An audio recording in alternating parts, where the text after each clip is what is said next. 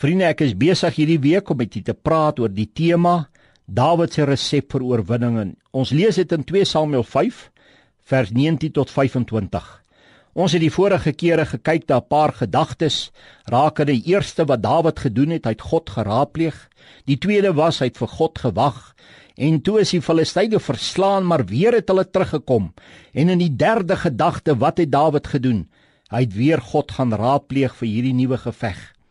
O maar ons sien in hierdie vierde gedagte in 2 Samuel 5 vers 24 lees ons die volgende reël wat Dawid moes navolg. Die woord sê as jy die geruis van die voetstappe in die toppe van die balsambosse hoor, moet jy gou maak. Wat het Dawid gedoen toe, liewe luisteraar? Hy moes op God wag totdat hy die geruis hoor. Sonder die geruis was daar geen antwoorde, geen riglyne, geen oplossings, geen oorwinnings vir Dawid nie. En Dawid het gewag totdat hy die geruis hoor. En u sal vanmôre saam met my stem, my luisteraar, dat om te wag is seker een van die moeilikste dinge veral om vir God te wag. Is dit nie so dat ons altyd dadelik antwoorde soek? Terwyl God weet wat op die verhoog moet gebeur. God ken die toekoms. En daarom het Dawid geweet hy kan nie optree voordat hy nie die geruis hoor nie. Ek wil vir jou vra my liewe luisteraar, wanneer laas het jy die geruis van God in die toppe van die balsambosse gehoor? Ek kyk na 'n voorbeeld in die woord van God. Daar in 1 Samuel 13 lees ek van Saul waar Samuel by hom gekom het daar van vers 7 tot 15 en Samuel het vir Saul gesê dat hy op die sewende dag 'n offer moes gaan bring. En wat het Saul gedoen?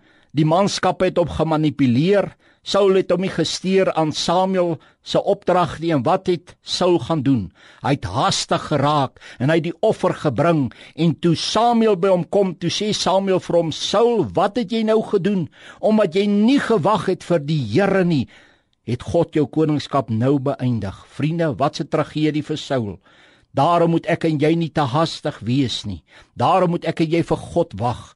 Jesaja 40 vers 31 sê maar die wat op die Here wag, kry nuwe krag.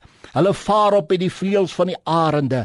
Hulle hardloop en word nie moeg nie, hulle wandel en word nie mat nie. Kom ek illustreer dit vir jou. Wat is die geruis? As jy 'n pyp sou neem en jy sit dit op jou oor, dan hoor jy 'n geruis. Daai geruis kom nie as die pyp nie op jou oor is nie. Net so vriende moet ek en jou se hart op God se hart wees om die geruis te hoor dat ons nie te haastig sal wees nie. Daar's 'n spreekwoord wat sê: "Haastige honde verbrand hulle bekke." O, vriende, baie kinders van God is te haastig. Ons moet wag vir die geruis. Ja, God lyk dalk vir jou te stadig, maar God is nooit laat nie.